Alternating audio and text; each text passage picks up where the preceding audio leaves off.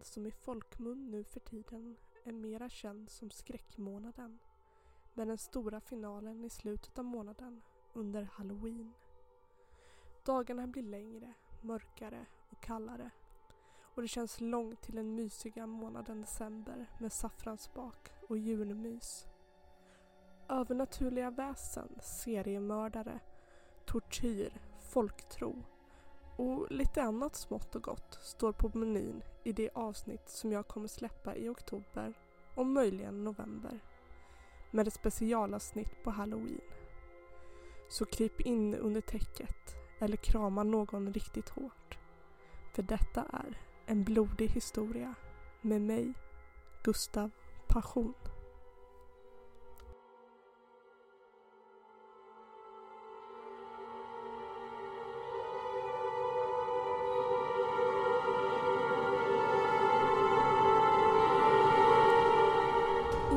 Satte skräck i västvärlden som den ökände seriemördaren Jack the Ripper gjorde under 1800-talet i England. Men dagens avsnitt kommer handla om en annan man. En man som för oss i Europa kanske inte är lika känd. Men som inte bara ska ha erkänt 27 mord, varav nio kunde bevisas. Men som även byggde ett helt slott med rum som ska ha varit speciellt designade för tortyr och mord. Och många tror att hans offer ska ha varit väldigt många fler än det han senare erkände. Han var Amerikas första seriemördare och hans namn var Herman Webster Mudgett eller som han hellre kallades H.H. Holmes.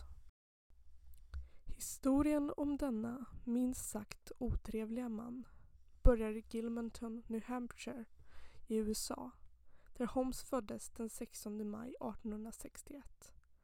Det finns många källor som säger sig veta Holmes hela bakgrundshistoria men eftersom han bytte namn och dessutom blev något av en morbid kändis under denna tiden och efteråt är inte alla källor pålitliga.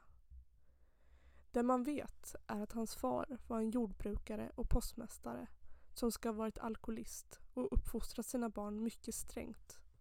Och hans mor var mycket religiös och sökte sin tröst i Bibeln. Hans första möte med döden ska ha varit, enligt honom själv, när han och två kamrater tvingades röra vid ett människoskelett vilket ska både skrämt men samtidigt fascinerat honom. Han sökte sig i unga dagar till läkaryrket och började med hjälp av de lik han hade tillgång till i och med anatomilektionerna begå bedrägeribrott genom att kräva ut livförsäkringspengar som han tecknade i sina medstudenters namn. Detta ska inte ha upptäckts förrän senare då Holmes redan hade fått sin läkarexamen 1884. Man kan redan här se en tydlig koppling av ett begär för pengar utan en tanke på moral och medmänsklighet. Då resten av Holmes historia målar upp en beräknande man som endast tänkte på ekonomisk vinning av sina offer som samtidigt dolde en mörk och hänsynslös mördare inom sig. Holmes ska under tiden som läkarstudent ha gift sig och fått barn. Men när han så småningom blev klar med utbildningen lämnade han dem knall och fall. Han reste istället runt och begick bedrägeribrott i småstäder tills han byggt upp en mycket ansenlig summa pengar. År 1886 anländer Holmes till Chicago och tar då också namnet H.A. Holmes för att kunna fly sitt då nedsmutsade rykte. Och det är här hans kavalkad av mord tar sin början på riktigt. Trots ett väldigt normalt utseende fick han snabbt rykte om sig att vara en så kallad ladykiller.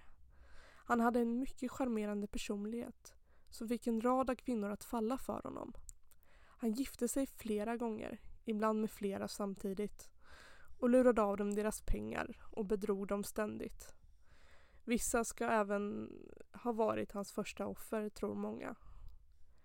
Genom denna charm och lurendrejeri lyckades han bli ägare till ett apotek.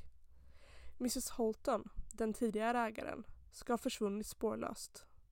Enligt Holmes ska hon ha flyttat till Kalifornien men eh, på sannolika skäl mördade han henne. Med de pengar han hade lurat till sig och den nya affärsverksamheten började Holmes nu bygga ett hem för sig. Eller eh, snarare ett slott. Det var i alla fall vad invånarna i Chicago kallade den stora imponerande byggnaden. Bara några kvarter bort från Chicagos stadskärna. Holmes ritade huset själv och fyllde det med labyrintiska korridorer och lönngångar. De flesta rummen krävde han skulle vara lufttäta, ljudisolerade och fönsterlösa. Och i källaren ställdes en krematorieugn och ett dissektionsbord som Holmes menade var nödvändiga för hans apotekarverksamhet med även kontorsutrymmen och rum för uthyrning på de högre våningarna. Inga frågor ställdes då genom att hela tiden anlita nya hantverkare och byggarbetare och aldrig betala där man sparkat blev inte bara slottet en lönsam affär utan även en helt okänd labyrint som bara Holmes visste om. Sanningen var ju ändå den att Holmes hade byggt den perfekta mordplatsen. Ett av de ljudisolerade och lufttäta rummen ska han ha fyllt med syra. Ett annat låtit installera ett system för att låta gas snabbt fylla rummet.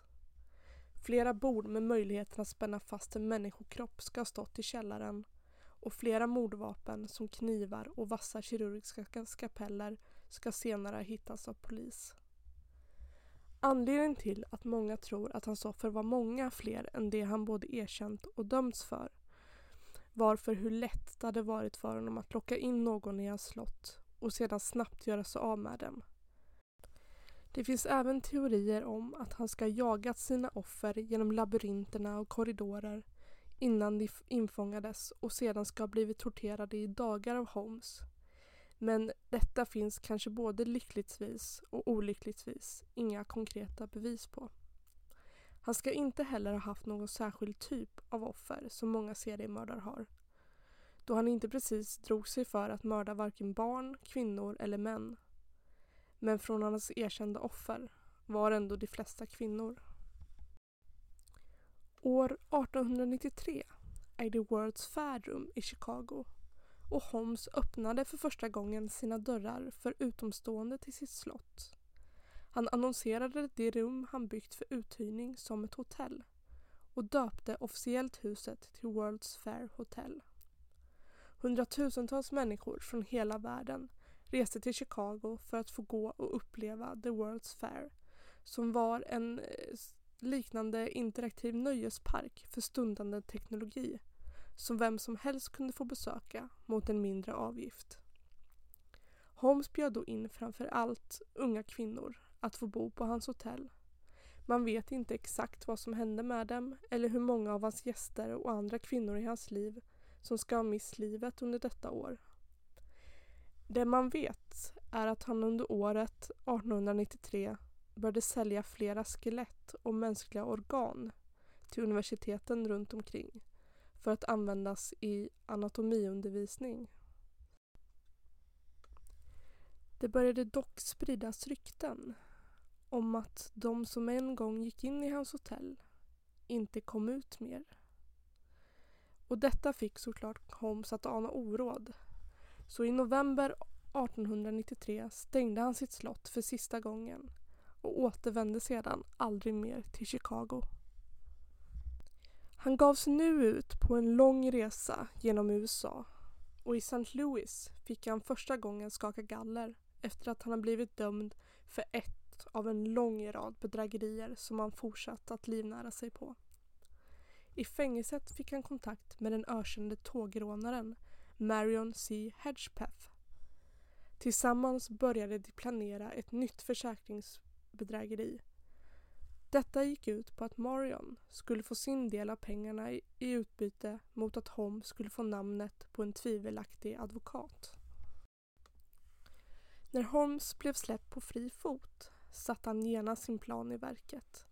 Han hade nämligen några år tidigare skaffat sig en vän som jobbade som snickare men hade ett kriminellt förflutet och hade hjälpt Holmes i hans bedrägerier sedan 1889 Hans namn var Benjamin Pitzel. Tillsammans med Holmes och advokaten var planen att igensätta Benjamins död med hjälp av ett okänt lik och sedan plocka ut hans livsförsäkring på 100 000 dollar varav Marion Hedgepeth skulle få 500 dollar. Detta var den gemensamma planen men Holmes hade en annan plan. Polisen hittade i början av september 1894 det mycket vanställda liket av en man som visade sig vara ingen mindre än Benjamin Pitzel. Den riktiga Benjamin och inte ett okänt lik. Holmes hade aldrig tänkt använda någon annan än honom själv. Sedan fick han Pitzels hustru, som hade haft en mindre roll i skådespelet, att tro på att hennes man fortfarande levde men gömde sig och att de skulle ta ut livsförsäkringspengarna. Hustrun, som hette Carrie Pitzel, trodde på Holmes då han och hennes make varit vänner i flera år. Och dessutom lät hon Holmes övertala henne att han skulle få ta hand om tre av hennes barn. Och detta finns ingen förklaring på.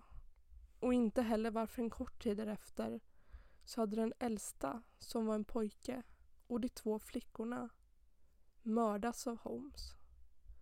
Pojken hade han strypt och flickorna hade han gasat ihjäl. Deras kroppar återfanns sedan på två olika platser. Om ingenting annat bevisar dessa händelser hur hänsynslös Holmes sanna natur verkligen var. Då han vid detta laget redan fått sina pengar och ingen reson eller logik fanns i morden av de tre oskyldiga barnen.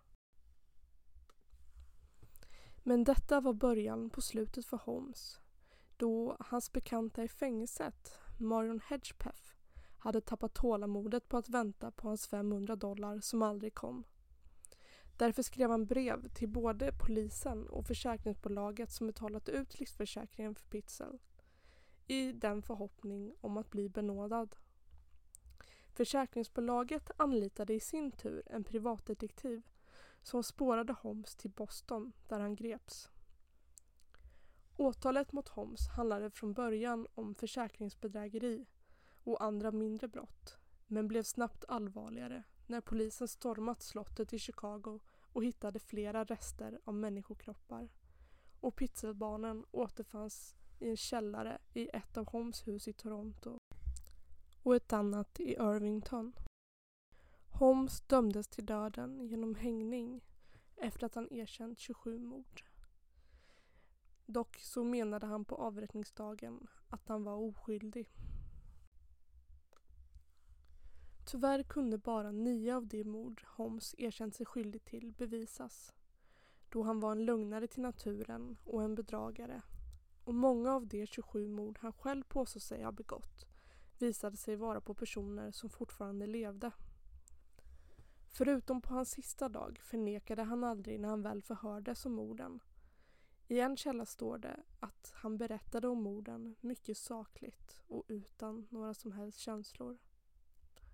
Många av de kvinnor han förlovat sig och gift sig med ibland samtidigt försvann spårlöst och enligt vissa källor ska han även ha mördat två pojkar i två olika städer innan han kom till Chicago.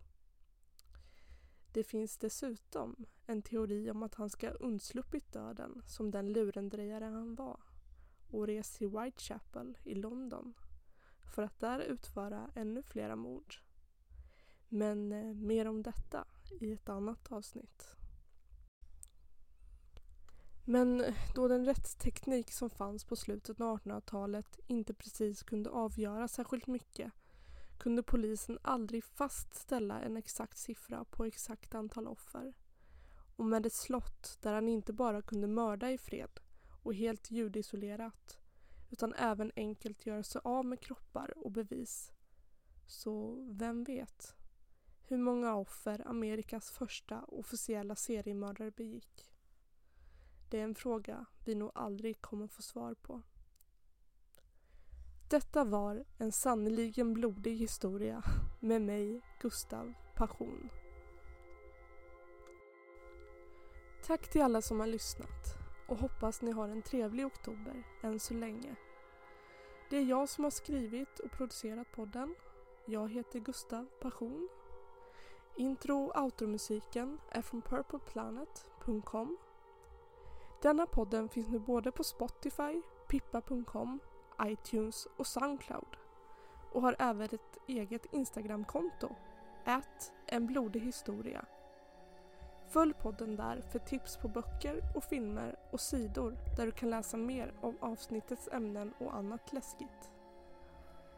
Gillar du vad du hör och kanske vill ha fler och längre avsnitt i framtiden kan man stötta mig med en liten slant på ko mellanstreck fi.com.